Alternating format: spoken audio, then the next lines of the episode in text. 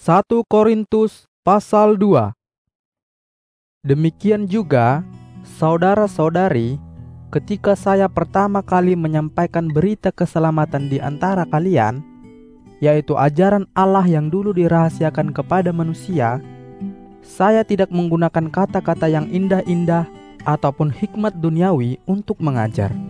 Karena pada waktu itu, saya sudah mengambil keputusan bahwa selama bersama dengan kalian, saya akan melupakan semua ajaran lain kecuali Kristus Yesus dan kematiannya di kayu salib.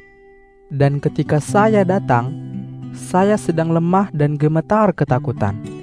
Biarpun ajaran dan kata-kata saya bukanlah kata-kata hikmat yang bisa meyakinkan orang, tetapi ajaran saya sudah diteguhkan oleh kuasa Roh Kudus.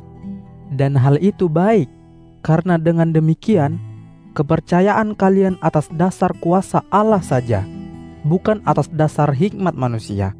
Tetapi sebenarnya, waktu bersama orang-orang yang dewasa secara rohani, kami mengajarkan hikmat. Tetapi hikmat kami tidak berasal dari dunia ini, dan tidak berasal dari penguasa-penguasa dunia yang akan segera dibinasakan.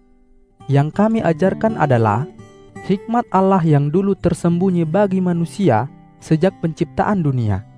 Tetapi sekarang, hikmat itu sudah Allah nyatakan kepada kita supaya kita ikut menikmati kemuliaannya.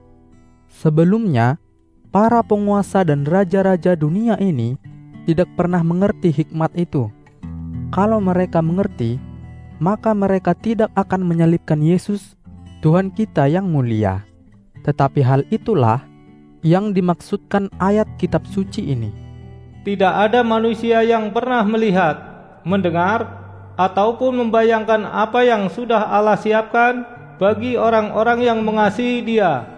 Tetapi sekarang Allah sudah menunjukkan hal-hal itu kepada kita melalui rohnya, karena roh kudus itu mengetahui segala sesuatu, bahkan rahasia Allah yang tersembunyi sekalipun. Contohnya, tidak seorang pun tahu pikiran orang lain, kecuali rohnya yang tinggal di dalam dia. Demikian juga halnya dengan Allah. Tidak ada yang tahu pikiran Allah, kecuali roh Allah sendiri. Dan sekarang, kita tidak menerima roh yang berasal dari dunia ini, tetapi kita sudah menerima roh Allah sendiri.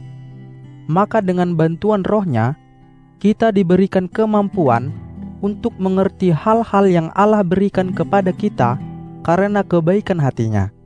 Jadi waktu kami mengajarkan hal-hal rohani tersebut, kami tidak menyampaikannya dengan menggunakan kata-kata yang diajarkan oleh hikmat manusia, melainkan kami menggunakan kata-kata yang diberikan oleh Roh Kudus kepada kami. Dengan demikian, kata-kata hikmat dari Roh Kudus dipakai untuk menjelaskan hal-hal rohani. Tetapi seorang yang tidak hidup bersama Roh Allah tidak bisa menerima ajaran yang berasal dari Roh Allah itu, karena orang seperti itu akan berpikir bahwa ajaran itu merupakan suatu kebodohan dia tidak mungkin mengerti karena ajaran dari Roh Allah hanya bisa dimengerti dengan bantuan Roh Allah. Oleh karena itu, kita yang bersatu dengan Roh Allah bisa menilai semua ajaran rohani yang dalam, sedangkan orang-orang di luar tidak mampu menilai hal apa pun tentang kita. Hal ini sesuai dengan firman Allah yang berkata, "Manusia tidak mungkin mengetahui pikiran Tuhan." siapa pun tidak mampu memberikan nasihat kepadanya.